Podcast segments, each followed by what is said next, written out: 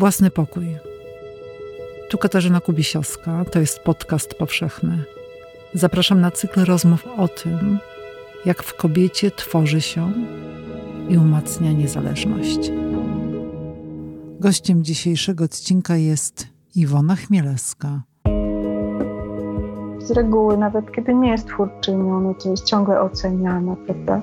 Weryfikowane są jej zachowania, nie spełnia oczekiwań czyichś. No ale trudno, no trudno. Jest takie pojęcie wystarczająco dobra matka. Chyba Winnicota. Po prostu robiłam wszystko, co mogłam, najlepiej jak umiałam. Dawałam z siebie tyle, ile akurat miałam do dania. Więcej nie mogłam i już.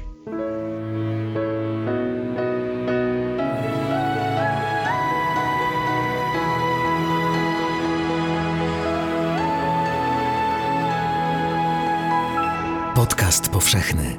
Weź, słuchaj. Dzień dobry, z Krakowa Katarzyna Kubisiowska. Dziś będę rozmawiać z Iwoną Chmielewską. Dzień dobry, Iwono. Dzień dobry, Kasiu. Dzień dobry. Powiedz mi, gdzie ty jesteś? We własnym pokoju jesteś? E, nie, tutaj jestem gościnnie w takim pokoju. No właściwie właśnie, gościnnym, bo teraz jestem w Borach Tucholskich i, i widzę za oknem, o, wiewiórkę bo chciałam powiedzieć, że widzę drzewa, sosny, które pylą teraz i przepraszam, jeśli będę kaszleć i mieć chrypkę. Ale dzień dobry zborów tucholskich. Mam rozmawiać dzisiaj e, o rozmaitych pokojach e, i tym najważniejszym własnym. E, jak myślisz o własnym pokoju, to pierwszy obraz, który przychodzi ci do głowy, jest jaki? Ja sama. Ja sama jestem dla siebie pokojem. I, I, chciałabym, żeby bardziej była pokojem, a nie wojną, bo czasami jestem dla siebie wojną też. Ale ten pokój, hmm, tak jak ja bym przenosiła go w swojej głowie, tak, tak sobie myślę o nim. Gdziekolwiek jestem, zabieram go ze sobą. A kiedy to tak zaczęłaś myśleć, że, że sama jesteś dla siebie własnym pokojem? Bo rozumiem to w takim, od razu mi tutaj przyszły do głowy e, różne myśli, że, że sama, że Twoja wrażliwość, Twoja wyobraźnia, Twoje doświadczenie, to wszystko, co się składa na, e, na to, kim jesteśmy teraz, Twoje ciało, Twoje człowieczeństwo, takie ja mam myśli.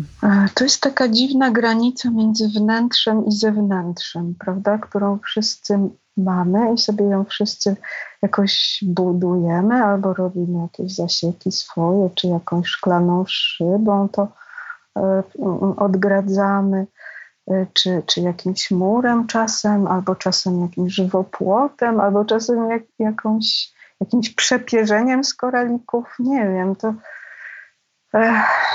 kiedy mi to przyszło, to chyba od razu miałam to, wiesz, to jest niepokojące może trochę, ale ja też nigdy nie miałam jako dziecko własnego pokoju.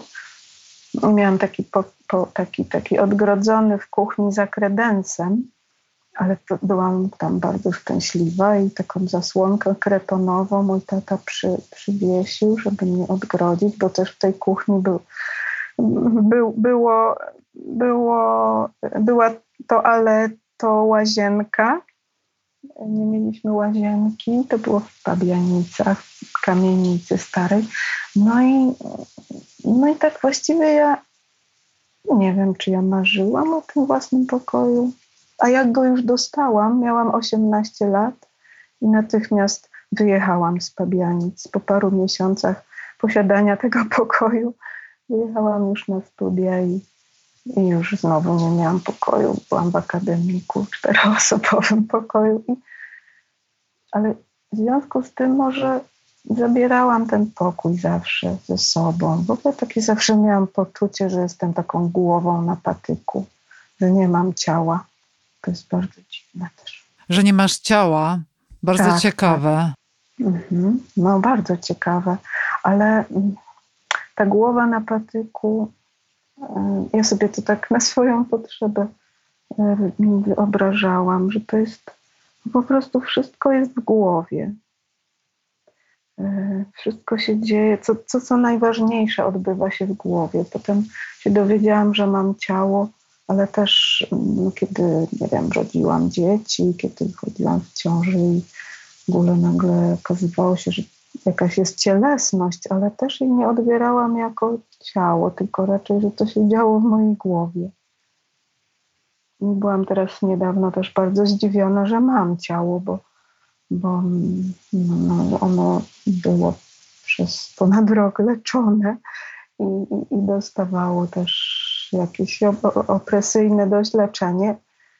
No ale dalej to wszystko było w głowie. Nie wiem, może to ktoś zinterpretuje, ale ja się nie podejmuję. Czy ty jesteś tym typem, który e, artystki, który, która sobie, e, która mm, właśnie to, co ma w głowie, e, ma potrzebę pomysłu, jakieś E,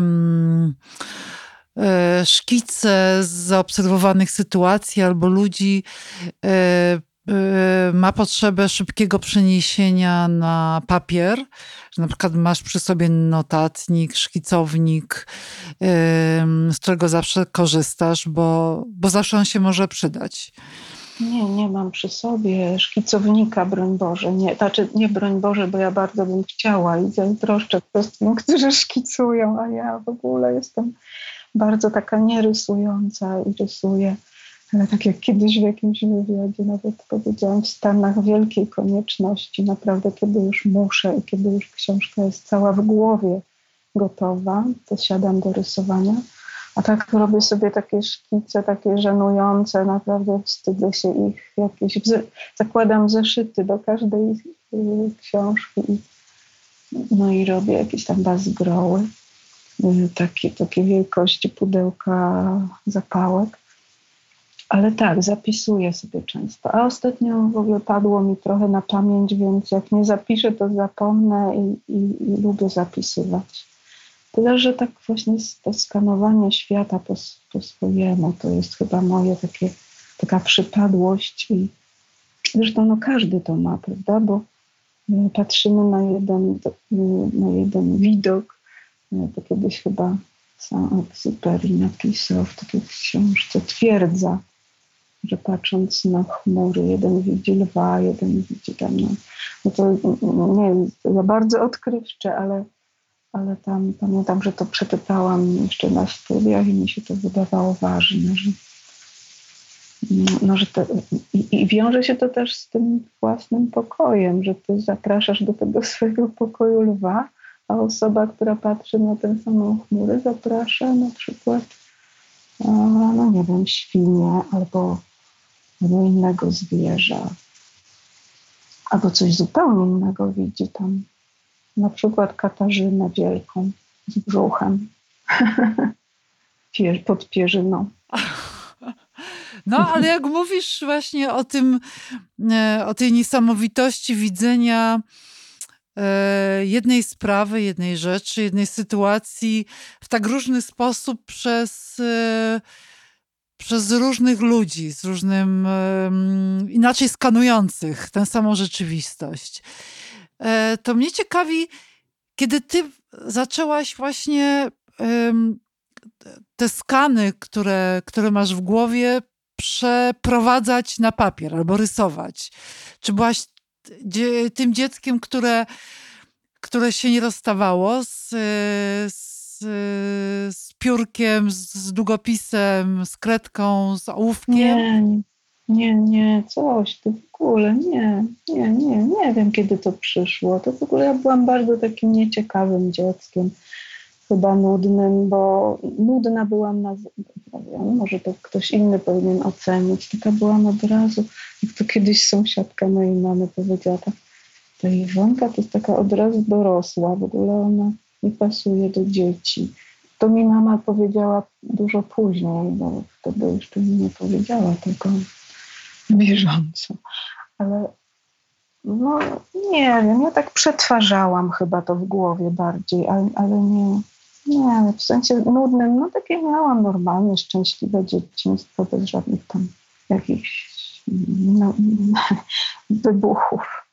Ale chyba to wszystko się stało dopiero, kiedy ja już po mm, może tak, no, poszłam na studia i tam też tak się nie bardzo e, wtedy z tą moją wyobraźnią nie mogłam znaleźć. Potem raczej te studia były nastawione na takie, na takie for, for, formalne rozgrywanie martwej natury albo pejzażu. I, i, i wszelkie moje jakieś próby E, no nie powiem surrealistycznego widzenia świata, ale takiego widzenia po swojemu, jakiegoś interpretowania świata, e, takiej literatury właśnie w obrazie były karcone i ja wtedy bardzo mnie bolał brzuch, kiedy ja to słyszałam, bo taka się czułam tłamszona, że to wszystko jest ach, literatura, literatura, my tutaj nie uczymy tego, tylko uczymy jak budować formę.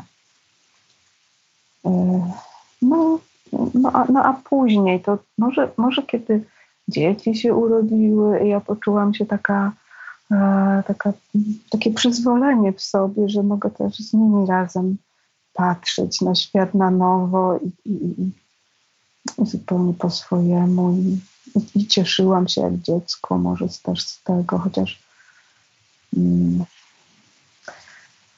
no nie wiem, ale wtedy jeszcze też oczywiście nie, nie, nie miałam potrzeby, zresztą ani czasu rysowania tego. Dopiero później, kiedy, kiedy już tak się właściwie trochę tak u, ukorzeniłam, może tak po trzydziestce, wiedziałam już czego nie chcę, nie wiedziałam jeszcze czego chcę, bo to tak przeważnie bywa. No to zaczęłam tam sobie coś rysować i ale wiesz, ciekawe, ciekawe to jest to takie połączenie um, tego twojego języka, który był taki osobny, języka um, artystki, e, który był osobny, czuła się wyobcowana na pewien sposób i jednocześnie y, odwagę do tego, żeby chyba, tak to rozumiem, odwagę do do tego własnego języka właśnie. Mhm. Tego, że to jest to, yy, dają ci dzieci, które się rodzą. Bardzo mi to zaciekawiło, że one właśnie stają się, czy poprzez to, że, że, za, że, że, że obserwujesz dzieci i widzisz, jak one też widzą świat i że one, on jest zupełnie, y, to widzenie jest nieschematyczne, tak? Widzenie dzieci, dzieci, widzenie dziecka jest dopóki nie zostaje popsute przez rozmaite instytucje albo przez dorosłych, które, którzy im e, opowiadają na swój sposób świat, swój dorosły świat i myślę, że w ten sposób też potrafią go mocno zniekształcić, że ono jest e, bardzo e, no, świeże i, i niestandardowe na pewno. Tak, to bardzo ważne, co sobie teraz uświadomiłam dzięki temu, co mówisz i o co mnie pytasz, bo teraz sobie uświadomiłam, że być może tak, że ponieważ ja byłam jedynaczką, byłam zwykle sama albo wśród dorosłych y, z dziećmi tak, no, no też nie, nie miałam problemu jako jakiejś grupie, nie byłam jakaś wyśmiewana czy inna całkiem. Starałam się, taki miałam po prostu taką mimikrę zdrową, że no, robiłam to, co inne dzieci. Jeździłam na kolonie i w ogóle nie byłam z tego powodu jakaś nieszczęśliwa, że taka jestem wsobna czy osobna. Nie. Ale, ale ten swój świat rzeczywiście może, ten, ten, ten świat yy, dziecka we mnie, który jest no, właściwie obecny do, do dziś i, i zupełnie on się tamten pokój mój dziecka nie, nie zmienia i ciągle mam ochotę, nie wiem, podskakiwać, cieszyć się, klaskać z radości i, i odkrywać tak, tak, tak na świeżo, tak naiwnie coś e, w świecie. Ale rzeczywiście, kiedy pojawiły się dzieci i, i, i stałam się matką, e, takiej gromadki, bo to, no bo ja mogłam się, nagle to moje dziecko mogło być wśród dzieci.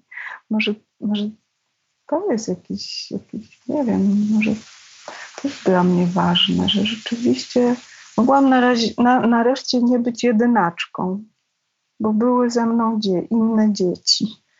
Może byłam niedojrzała zupełnie, a może dojrzała, a może w ogóle połączenie nagle bycia matką, byciem dziewczynką jest no, to bardzo taki miks yy, ciekawy dla twórcy może, ale trudny dla matki i dla dzieci też. Kawę. No mnie jeszcze ciekawi, wiesz, ten twój w Pabianicach kącik z zasłonką, bo yy, ciebie wychowuje też częściowo babcia. Babcia, która, yy, która przynosi do domu dość sporo materiałów. Wychowujesz się wśród materiałów. Yy, za chwilę cię poproszę, żebyś więcej powiedziała o babci, ale te materiały też yy, jakoś z, stały się częścią Twoich książek. Wykorzystujesz je w ilustracjach.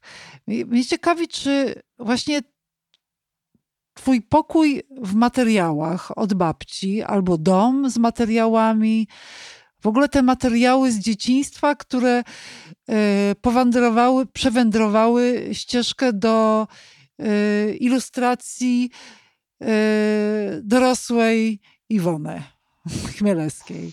Ja się kiedyś nazywałam Bednarek i wtedy byłam Iwonka Bednarek, ale babcia moja... Babcia Hulda.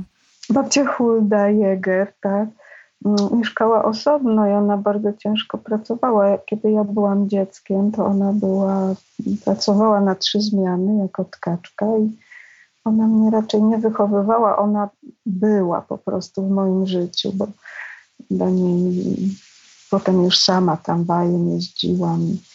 I ona, kiedy już przeszła na emeryturę, może byłyśmy razem dłużej i częściej, ale babcia mnie nie wychowywała, nie miała czasu. Ale, a te tkaniny to też, bo pozwolisz, że będę mówiła tkaniny, nie materiały, to, był, to była część Pabianic, bo to jest, jak wiadomo, miasto pod, Łódź, pod Łodzią i, i zagłębie włókiennicze i, i, i, te tkaniny ciągle były obecne mm, na ulicy, w, te, w tej całej fono i, i, i, i, i zapachosferze, kiedy pachniała bawełna i kiedy pachniały barwniki i chemia cała związana z tym przemysłem.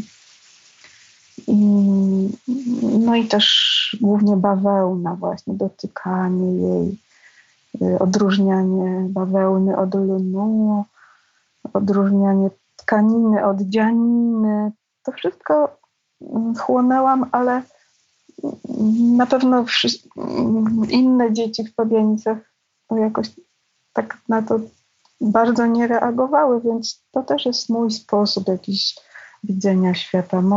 Akurat to było moje zainteresowanie. No, no i później rzeczywiście z babcią zaczęłyśmy szyć, dziergać, coś babcia mnie uczyła, robić na drutach, na szybełku, wyszywać, ale też były prace ręczne przecież w szkole, robienie mereszki i dziewczynki, no właśnie dziewczynki, bo chłopcy chyba wtedy nie robili mereszki, tylko przybijali gwoździe.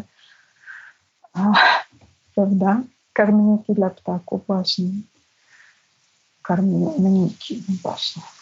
E, ale mm, no nie wiem, to też była jakaś moja droga. Myślę, że nikt tego we mnie tak bardzo nie, nie pielęgnował.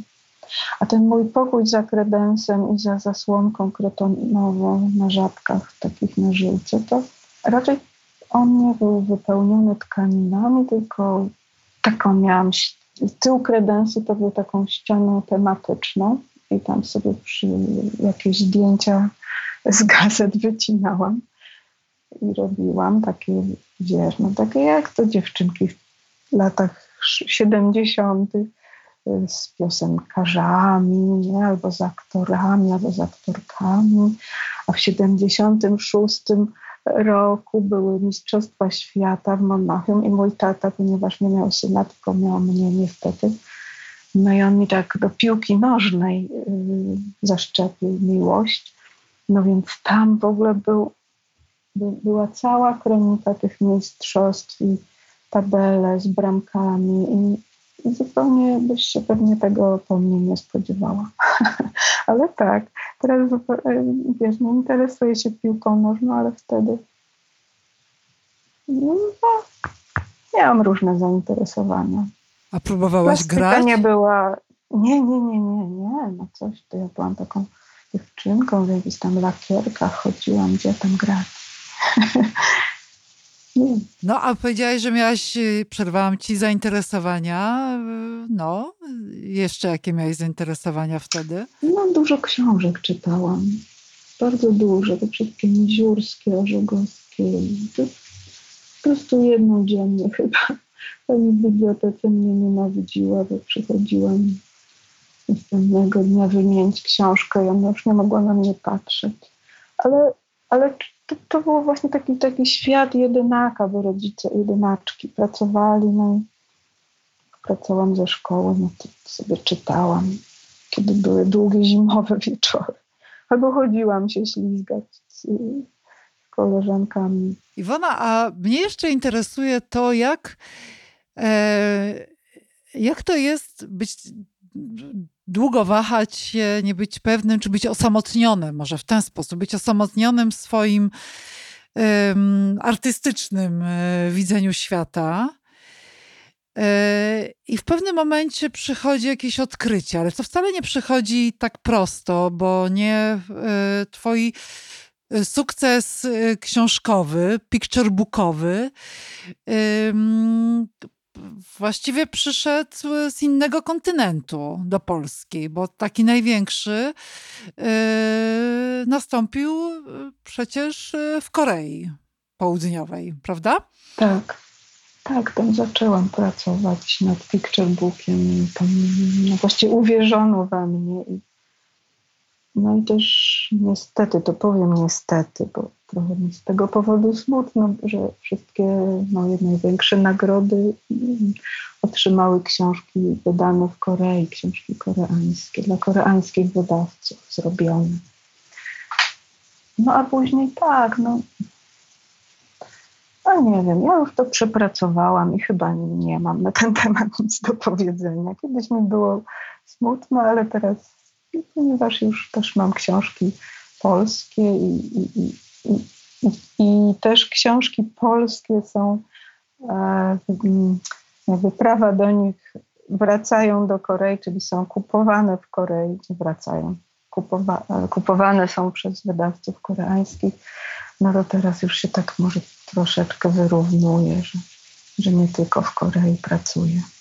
Ale własny pokój to też jest przecież... Yy w takim też rozumieniu Virginia Woolf to, jest, to, są, to są pieniądze, to jest niezależność finansowa, to jest też możliwość e, godnego zarobku. Czy ty pamiętasz taki moment, kiedy poczułaś, że e, jesteś e, artystką, która może, mówiąc kolokwialnie, żyć z tego, co robi? Poświęcić się całkowicie e, tworzeniu książek e, obrazkowych? Chyba żyć z tego, co robię, nie mogę jeszcze nadal, bo to nie są takie sumy, jakby się nam wydawało.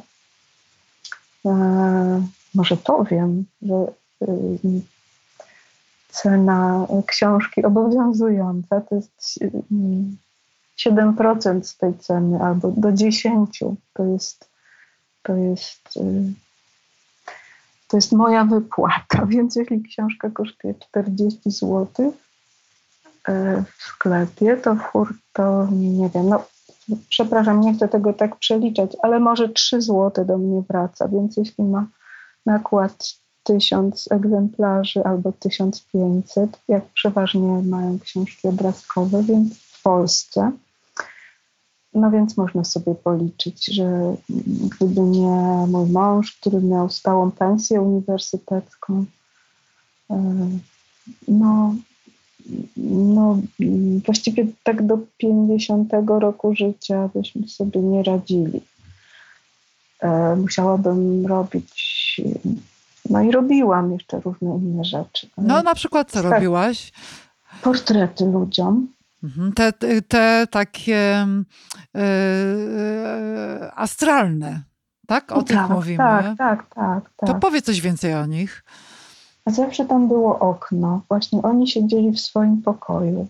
Ci ludzie. Tak, umie, tak, ja tak ich umie, u, umiejscowiałam i zawsze mieli okno na świat. To było takie, no, teraz tak to widzę, bo wtedy tak tego nie, no, też to jakoś metaforycznie interpretowałam, że to jest takie połączenie, e, co przychodzi do nich ze świata zewnętrznego i jak oni to przetwarzają po swojemu, więc tam były takie różne mm, rekwizyty, albo, albo ptaki, albo zwierzęta, albo coś tam zaglądało, albo coś tam było za oknem i, i, i połączenie tego czegoś z tym, z, z wnętrzem tej osoby. Mhm. A musiałaś Ale... wiedzieć, co o tej osobie, kiedy się urodziła? Musiało... Tak, tak, kiedy się urodziła i jej zdjęcia.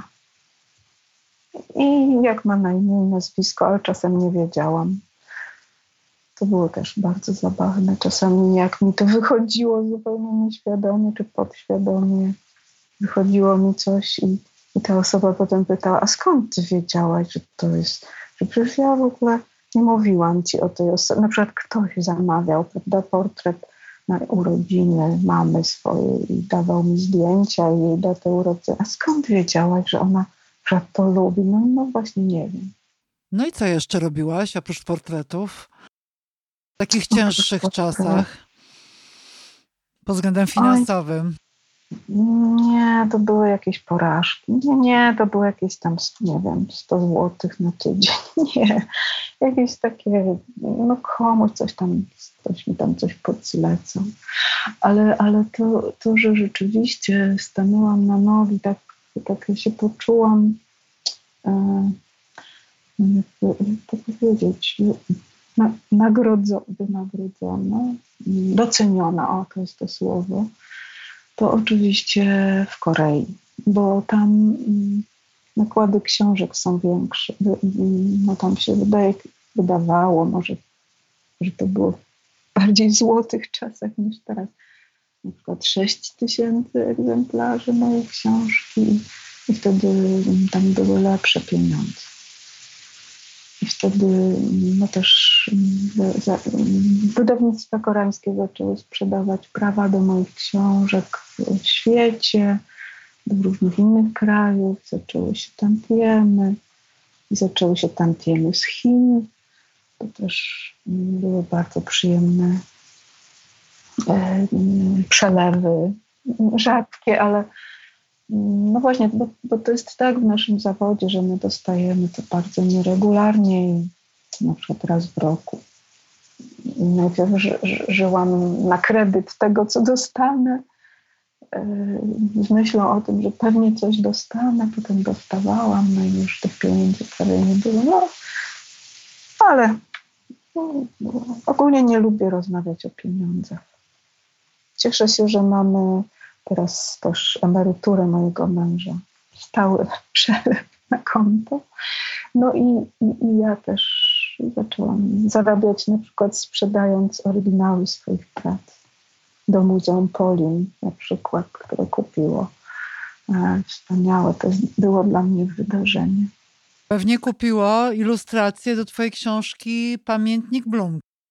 Tak, Pamiętnik Blumki i Jak ciężko być królem książki o królu Maciusiu I. To było dla mnie wielkie wydarzenie. No i CSW w Toruniu też, e, co się do mnie kupiło już dwa lata temu, więc też byłam szczęśliwa bardzo. Ale jak mówimy o własnym pokoju, to też e, myślę, to jest e, zawsze jakaś takie napięcie między tym, co kobieta napięcie między jej aktywnością zawodową, a jej aktywnością jako, ro, jako rodzicem, jako mamą, jako mama. I mnie ciekawi, jak, jak ty sobie z tym napięciem radziłaś? Jak to jest godzić te dwie bardzo mocno angażujące i emocjonalnie, a przy dzieciach i emocjonalnie i fizycznie. E, no, w ogóle sobie nie radziłam i z tym sobie nie radzę, bo. Mm, a jednocześnie sobie radzę, prawda? Bo czasami sobie nie radzę, czasami radzę. To, to nie ma jakiej, jakiejś tutaj stałej funkcji. Jest tyle zmiennych, że nie mogę powiedzieć, że sobie z tym radziłam. Zawsze coś cierpiało, zawsze e, albo cierpieli bliscy. Znaczy ja tak się czułam, że oni po prostu mają coś odebrane. E, albo cierpiała książka, prawda? To moje myślenie, tam moja zawodowa aktywność. I myślę, że to nie jest nic, tutaj nie mówię niczego bardzo odkrywczego wszystkie matki twórczynie, czy naukowczynie, e, czy no właśnie dziennikarki, czy pisarki, no mają, mają ten problem zawsze. I, i, I prawdopodobnie tak będzie. I było i jest. Zawsze płaci się jakąś cenę za to. No ja, ja jestem taką, taką byłam matką, która no, lubiła gotować i w ogóle tak się no, zajmować domem. I wtedy oczywiście no, mniej pracowałam, nie pracowałam. A teraz, kiedy już dzieci są dorosłe, e, no dalej one są w tej głowie mojej, bo jest ich czworo i małe dzieci, mały kłopot, duże, wiadomo. I, no ale jakby to odpowiedzieć na to pytanie. No bardzo staram się, mm, staram się bardzo to pogodzić, i, ale wiem, że tego się nie da pogodzić. Zawsze ktoś ma poczucie krzywdy, zawsze albo coś ma poczucie krzywdy, że za mało się nim zajmuje, albo mnie to rozprasza. Po prostu matka z reguły, nawet kiedy nie jest twórczynią, no to jest ciągle oceniana, prawda? Weryfikowane są jej zachowania, nie spełnia oczekiwań czyichś. No ale trudno, no trudno. Jest takie pojęcie wystarczająco dobra matka. Chyba Winnicota. Mi się to podoba. Po prostu robiłam wszystko, co mogłam, najlepiej jak umiałam. Dawałam z siebie tyle, ile akurat miałam do dania. Więcej nie mogłam i już. Wcześniej powiedziałaś, że ten ostatni czas um, bardzo pozwolił ci mocno, czy właściwie skazał na to, żeby odczuć swoje ciało poprzez y, leczenie. Y, leczenie nowotworu. Mm, I jak rozmawiałyśmy jakiś czas temu, mówiłaś, że e, szykujesz się do kolejnej książki. Właśnie, czy twój mąż cię nawet do tego zainspirował. E, pod umownym tytułem Królestwo Dziewczynki 2. Ja jestem ciekawa, czy która jakoś będzie korespondowała z twoim prywatnym doświadczeniem. Myślę, że jak sporo w ogóle Twoich książek. I w ogóle myślę, że jak sporo w ogóle książek koresponduje z doświadczeniem e, mocno osobistym e, autora. Ciekawi mnie, czy ty w ogóle podjęłaś ten, ten temat, tę rękawicę i, i zaczęłaś pracować nad Królestwem Dziewczynki 2. Jeszcze nie. Zupełnie notuję sobie, e, gdzieś tam mam w którymś z moich zeszytów licznych jakieś notatki, ale widocznie jeszcze to we mnie nie dojrzało. Teraz w kolejce stoi, Boże, chyba z pięć książek nie mogę się zabrać za to zupełnie. a tamta jest gdzieś na końcu. Ale czasami ona wychodzi, ta, ta, która jest na końcu, wychodzi na, czele, na czoło peletonu. Niespodziewanie. W spokoju, tak. Widocznie jeszcze się do niej nie, nie, nie, nie przygotowałam mentalnie, jeszcze nie, nie jestem gotowa, jeszcze zupełnie jakoś nie, nie umiem, nie, nie wiem, jak ją zrobić. I też nie chcę, żeby była banalna. Ona potrzebuje odczekać chyba w swojej poczekalni.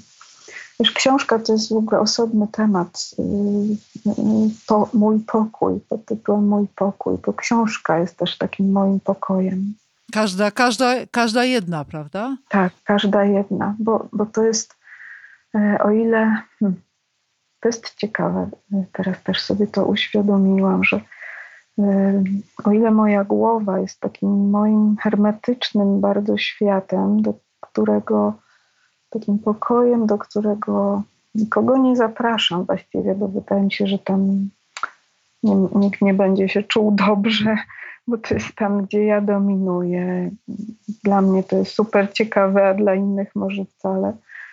I, i, i, i tam, gdzie, tam, gdzie w tej głowie nawet nie wiem, kim jestem, po co jestem, czasami zupełnie nie wiem. Obywam się tam bez słów, komunikacja z różnymi aspektami siebie y, na różnych poziomach jest jakaś pozawerbalna. Y, I to jest taka, taki bardzo abstrakcyjny pokój, który się przeobraża, prawda? Ten pokój mój w głowie, czasem nie wiem, jest jakimś buduarem, gdzie tam y, swoimi tymi tkaninami go wykładam aksamitami jakimiś. Czasami jest jakąś moją własną świątynią, w której jestem i boginią, i kapłanką, i wyznawczynią, i, i, i, i jednoosobową taką wszechmocą. To rzeczywiście bardzo własne, bardzo intymne. Tak, no, czasami no, po prostu się on tak przeobraża. Czasami jest jakąś, nie wiem, piaskownicą, plażą, gabinetem luster, albo wnętrzem pudełka jakiegoś z tektury starego, śmierdzącego, pokrzywionego, a czasami jest jak w Alicji w Krainie Czarów, ogóle pełno szuflad, półek. Tak książka, ten pokój, kiedy no właśnie to, co z głowy, tak jakby wypływa do, już do książki, to już jest coś innego, bo to już jest y, niby wolność, niby mówię, to jest, a, to jest absolutna wolność. Tam wkładam przecież do książki, kiedy robię autorską książkę, sama ją piszę, ilustruję i wymyślam. Wkładam tam przecież to, co chcę, prawda? Jestem no tak jakby reżyserką, ale też wybieram na castingu aktorów i aktorki i, i wybieram kostiumy, charakteryzację, choreografię i wszystko. Ale w tym pokoju muszę, muszę wszystko tak przygotować, żeby on był gościnny dla innych. I tam już zapraszam wszystkich, którzy chcą tam wejść. I, i, i muszę stworzyć tak bardzo otwarte miejsce, żeby jak najwięcej ludzi się y, tam rozgościło i umiało się z tym miejscem utożsamić. Więc to jest też bardzo ciekawe. Mm, kiedy ja muszę to przygotować, muszę się bardzo ograniczyć i, i być, mm, no właściwie mm, ta wolność moja w książce to jest wielki rygor i, ta wolność artysty w moim pojęciu, w moim też widzeniu tworzenia jest, jest właściwie ograniczeniem i dyscypliną. To mi daje wolność. W tym pokoju książka. No tak ciągle pamiętam to, co mówił Leonardo da Vinci. Siła rodzi się z ograniczeń, a na wolności umiera. Bardzo się pod tym podpisuję. I to własne terytorium E, książki, kiedy je tak, mm, tak ograniczę, takie z wielką dyscypliną e, i takim, takim samo jakby samodyscypliną, na przykład no, tylko takie będą kolory, tylko te rekwizyty, tylko ten kształt, tylko to słowo będę obracać. To jest bardzo dziwne, ale wtedy mm, mam wrażenie, y, pokój jest bardziej otwarty dla innych.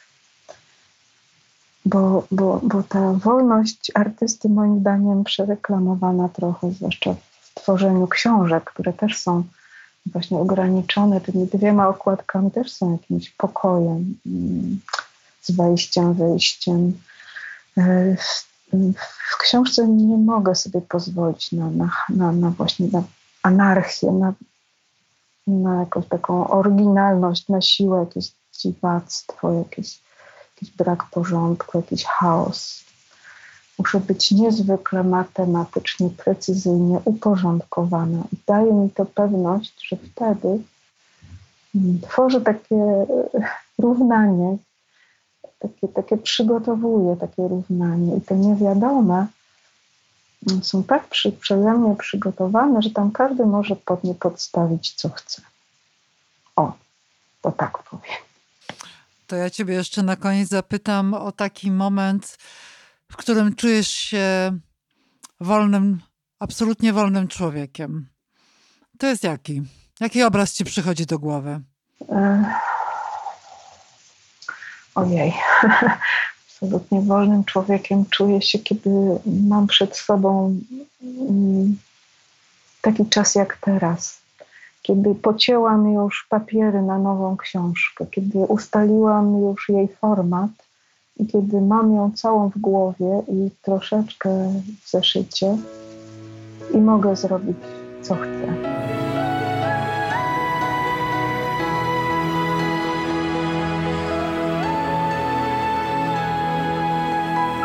Podcast powszechny. Weź, słuchaj. Jeśli słuchają nas Państwo w Spotify albo w Apple Podcast, zasubskrybujcie nasz kanał. Jesteśmy też w Google Podcast i w aplikacji Lekton oraz na www.tygodnikpowszechny.pl/podcast. Współwydawcą podcastu powszechnego jest Fundacja Tygodnika Powszechnego.